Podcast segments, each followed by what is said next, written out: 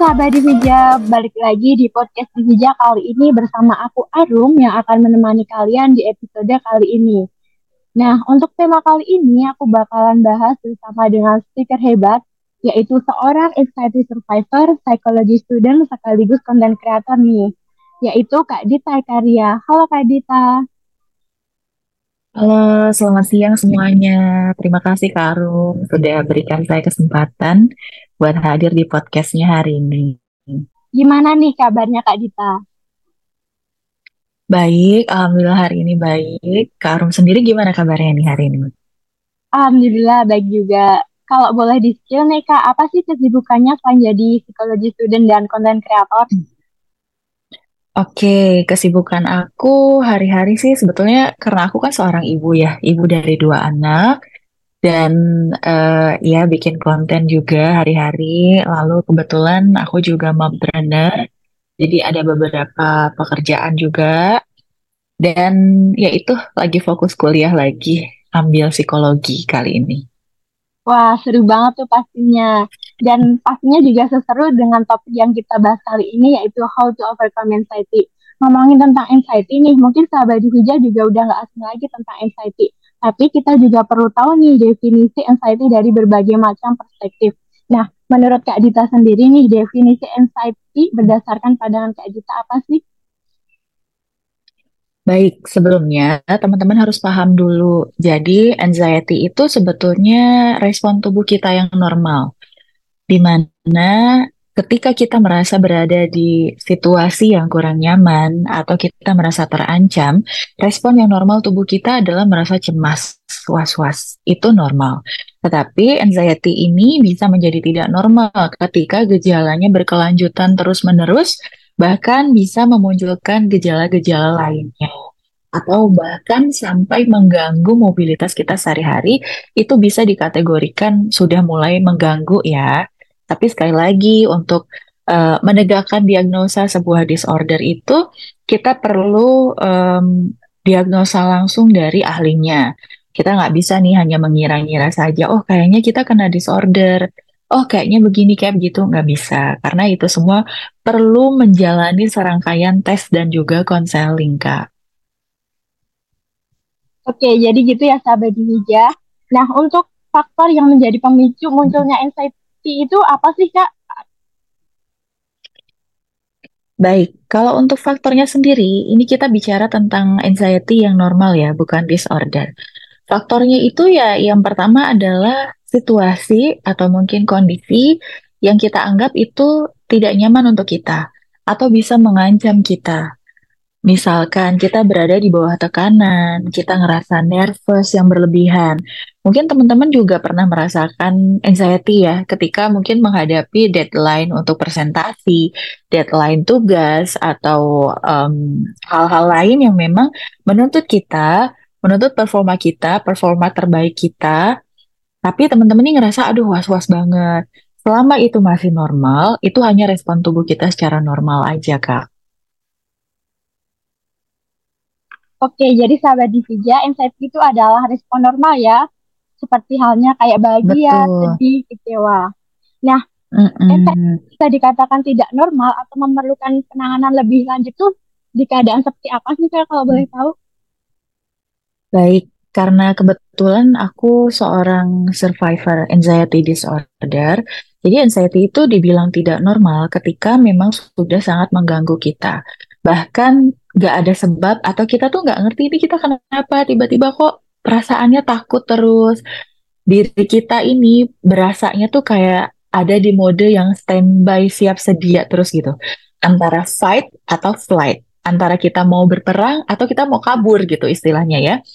Terus uh, ketika anxiety itu mengganggu dan menimbulkan simptom-simptom lain di badan kita. Kalau boleh cerita karena aku seorang survivor nih. Jadi, anxiety disorder ini sampai membuat aku mengalami psikosomatis.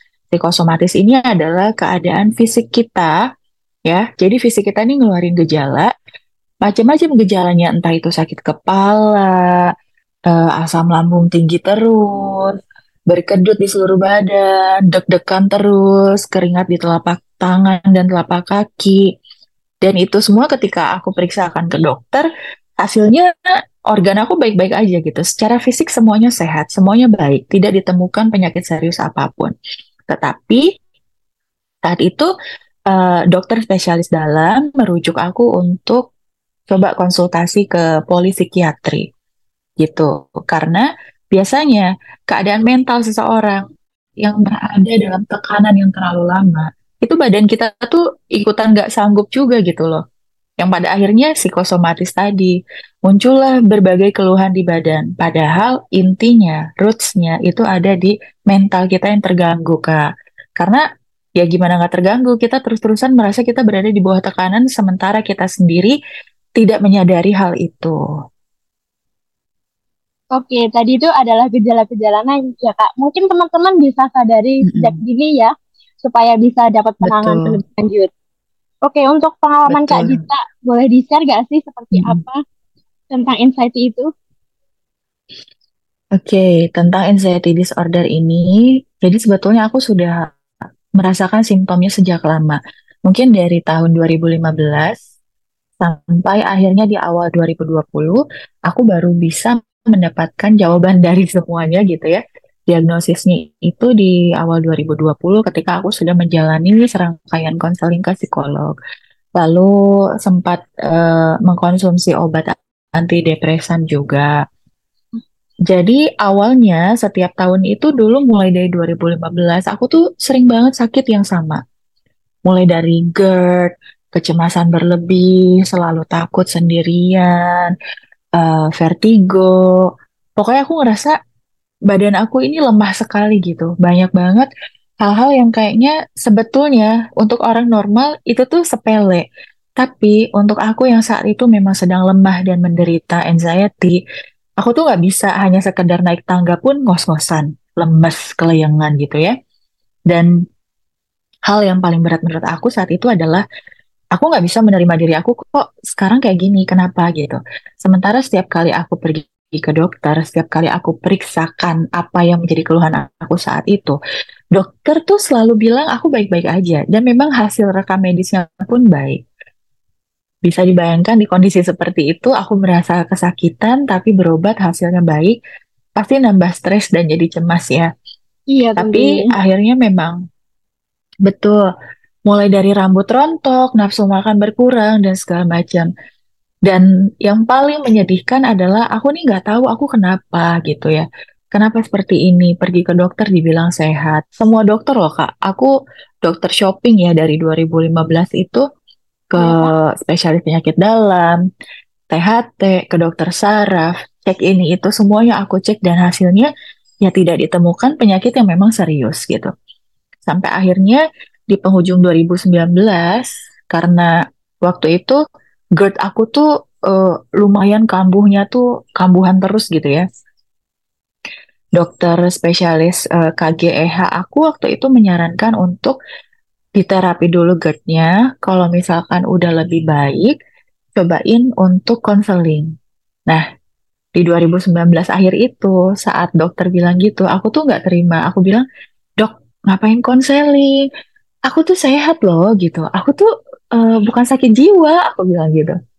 Tapi saat itu dokter meyakinkan kalau iya kamu uh, sehat, tapi cobain aja konseling ya, katanya gitu.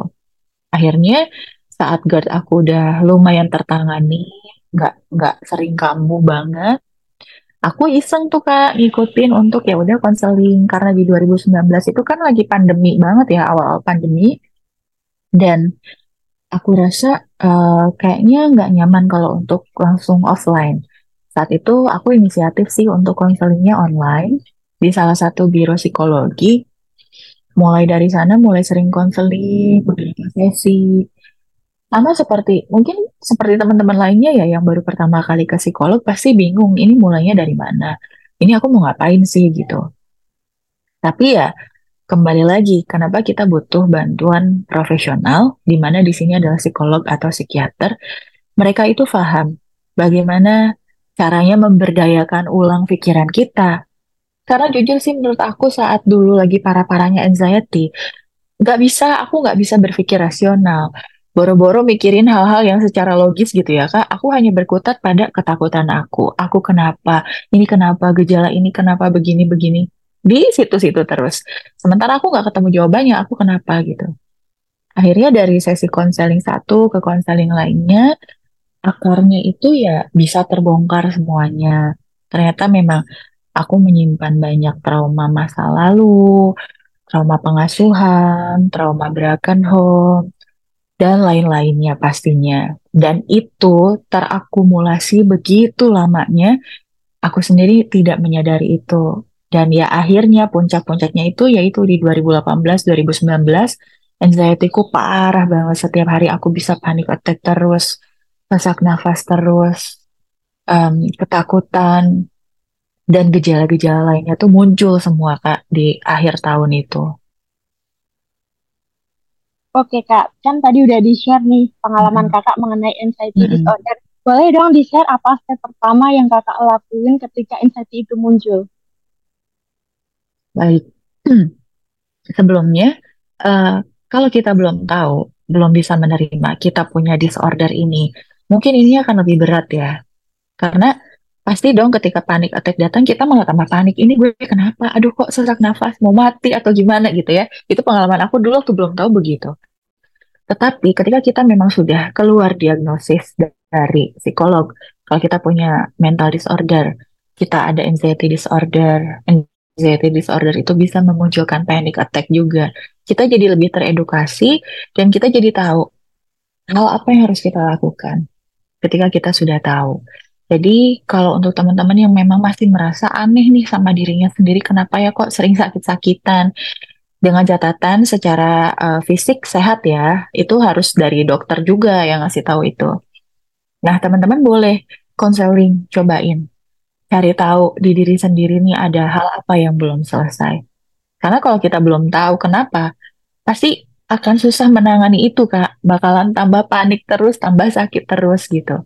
Kalau kita udah tahu, ini saran dari uh, psikolog aku ya. Ketika panik attack datang atau anxiety itu datang, coba diterima aja.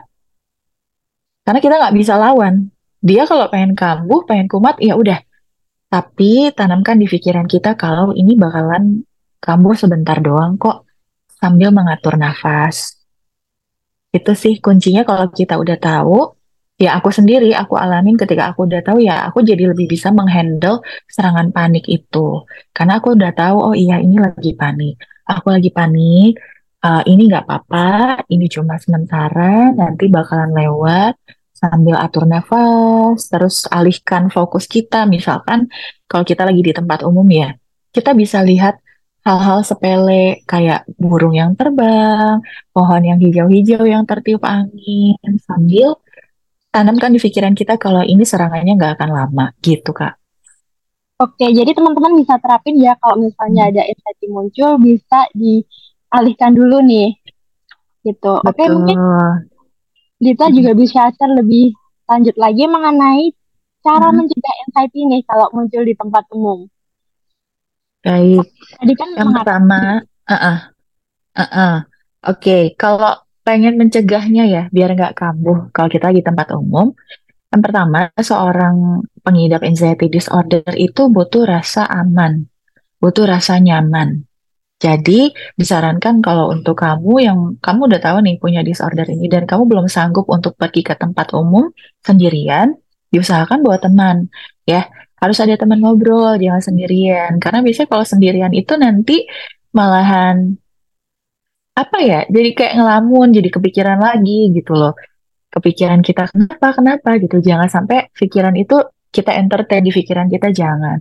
Yang pertama itu kalau keluar usahakan harus uh, bawa teman, takut terjadi sesuatu di jalan. Terus kalau aku uh, punya satu barang yang memang itu bisa menjadi penenang aku saat dulu ya mulai pergi-pergi keluar rumah lagi. Entah itu misalkan obat lambung, kalau aku dulu ngerasa setiap kali aku bawa obat lambung, aku ngerasa aman dan nyaman gitu ya. Nah, kalau teman-teman bisa disesuaikan apa yang kira-kira itu bisa menjadi penenangnya teman-teman selain bawa teman ngobrol, yang kedua adalah bawa barang atau hal apa pun yang menurut teman-teman itu membuat kalian nyaman. Bisa misalkan minyak uh, essential oil, atau mungkin teman-teman punya satu mainan untuk anxiety release, boleh dibawa itu. Dan yang uh, ketiga, kalau teman-teman tahu belum sanggup berada di keramaian, coba agak menjauhi dulu. Pelan-pelan aja ya. Jadi kita nggak bisa langsung kita nih pengen balik 100% kayak kita dulu sebelum kena anxiety nggak cemasan gitu nggak bisa kak kita harus pelan-pelan stepnya begitupun membiasakan diri kita uh, bersosialisasi lagi di lingkungan sosial mobilitas lagi itu tuh dulu juga aku pelan-pelan banget. Nggak bisa kadang ngelihat orang lebih banyak nih lebih rame. Itu bisa seketika aku keringet dingin gemeteran. Ya udah kalau udah mulai ada simptom gitu gak usah dipaksain. Lebih baik pulang pelan-pelan. Relax aja pelan-pelan aja. Paling itu sih ya karena menurut aku semuanya nggak bisa dipaksain step by stepnya. Memang lama, tapi kalau misalkan teman-teman usahakan, insya Allah selalu ada hasilnya kok. Oke, jadi gitu ya sahabat Divija. Dan mungkin sahabat Divija juga pernah penasaran nih kak, apakah anxiety itu bisa sembuh mm -hmm. total? Hmm, oke. Okay. Apakah anxiety bisa sembuh total gitu ya kak? Iya benar kak. Oke, okay. Jadi gini, anxiety ini ini kan uh, respon tubuh kita ya, respon dari nervous system kita. Yang menjadikan hal ini menjadi disorder adalah ketika otak kita ini terbiasa mendikte diri kita kalau setiap kali cemas itu bahaya. Nah, di situ. Jadi kalau ditanya bisa sembuh total atau tidak, jawabannya tergantung dari diri kita sendiri. Apakah kita bisa mengendalikan ketika ketika si nervous system ini mulai menguasai pikiran kita? Kita bisa sembuh bisa kalau kita bisa mengendalikan serangan anxiety tersebut. Cara mengendalikannya gimana? Dilatih pelan-pelan. Nggak bisa sekaligus kayak kayak sakit fisik ya. Kita contohkan kalau sakit fisik nih, oke okay, sakit flu, dokter kasih obat dua minggu, beres selesai sembuh. Tapi kalau urusan dengan mental, karena itu berurusan dengan pikiran kita, pola pikir kita, pola hidup kita, Lalu dengan diri kita, bagaimana kita sudah berdamai belum sama trauma kita, bagaimana kita sudah menerima atau belum kondisi kita saat ini. Itu semuanya sangat keterkaitan. Jadi kalau misalkan dibilang bisa sembuh total, tidak bisa. Kuncinya ada di kitanya. Kita yang kendalikan pola pikir kita, kita yang kendalikan pola hidup kita, kita yang kendalikan pola makan dan pola tidur kita juga. Gitu. Jadi kalau pola pola hidup, pola tidur, pola makan semua udah oke. Okay. Tapi kita belum bisa nih mengendalikan pola pikiran kita. Ya akan susah, percuma gitu. Makanya kuncinya ketika kita ingin pulih dari anxiety adalah menerima, acceptance. Itu penting banget. Penerimaan itu yang bikin aku bisa apa ya berdampak besar deh sama kesembuhan aku. Menurut aku itu kak.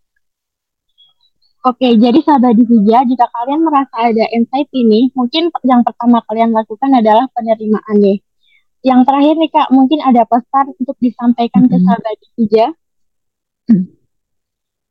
Baik, halo untuk teman-teman di luar sana yang mungkin sama seperti aku memiliki anxiety disorder atau mungkin yang belum tahu teman-teman ini kenapa, aku cuma pengen bilang semakin cepat kalian pergi meminta pertolongan, semakin cepat kalian bakalan ngerasa bahagia lagi, ya. Karena aku tahu pasti kalian rindu diri kalian sebelum berada di fase ini ya kan. Sebelum kalian ngerasa sering cemas, was-was, deg-degan dan lain-lain. Nah, gimana caranya kita bisa keluar dari lingkaran ini? Yang pertama, tolong jangan pernah menduga-duga, yaitu tadi pergilah ke profesional. Kalian kamu dan aku, kita ini adalah orang-orang yang perlu dibantu. Kita nggak bisa hanya menerka-nerka aja. Kayaknya aku begini, kayaknya aku begitu, nggak bisa. Aku pun bisa berada di tahap saat ini, di fase saat ini adalah karena ya aku berobat gitu. Aku pergi ke profesional, ke psikolog. Aku diresepin obat penenang, aku minum, aku ikuti semua konselingnya. Sampai akhirnya ya aku bisa seperti saat ini berdaya lagi, bisa berkegiatan lagi, Sesekali memang mungkin anxiety itu akan kambuh di aku, tapi aku udah tahu gimana cara menanganinya. Jadi nggak terlalu lebih panik lagi. Kalau dulu ketika serangan datang, udah aku bisa nggak berdaya, tiga minggu, sebulan, bakalan terus-terusan seperti itu. Tapi kalau saat ini, karena kita sudah menerima, kita sudah tahu, didampingi dengan profesional juga, insya Allah pelan-pelan kita pulih bareng-bareng ya. Amin. Oke, makasih Kak Dita. Yeah. Oke, buat teman-teman yang Baik. masih penasaran nih sama Anxiety, boleh banget kepoin di media sosialnya Kak Dita Ekaria, at ini suara Dita. Boleh, Thank you. iya. Ada Ya. di, iya, biasanya aku sharing di TikTok dan juga di Instagram aku. Oke, teman-teman boleh just langsung kepoin aja. Terima kasih juga teman-teman yang udah dengerin podcast ini sampai akhir. So, see you in the next episode. Bye-bye.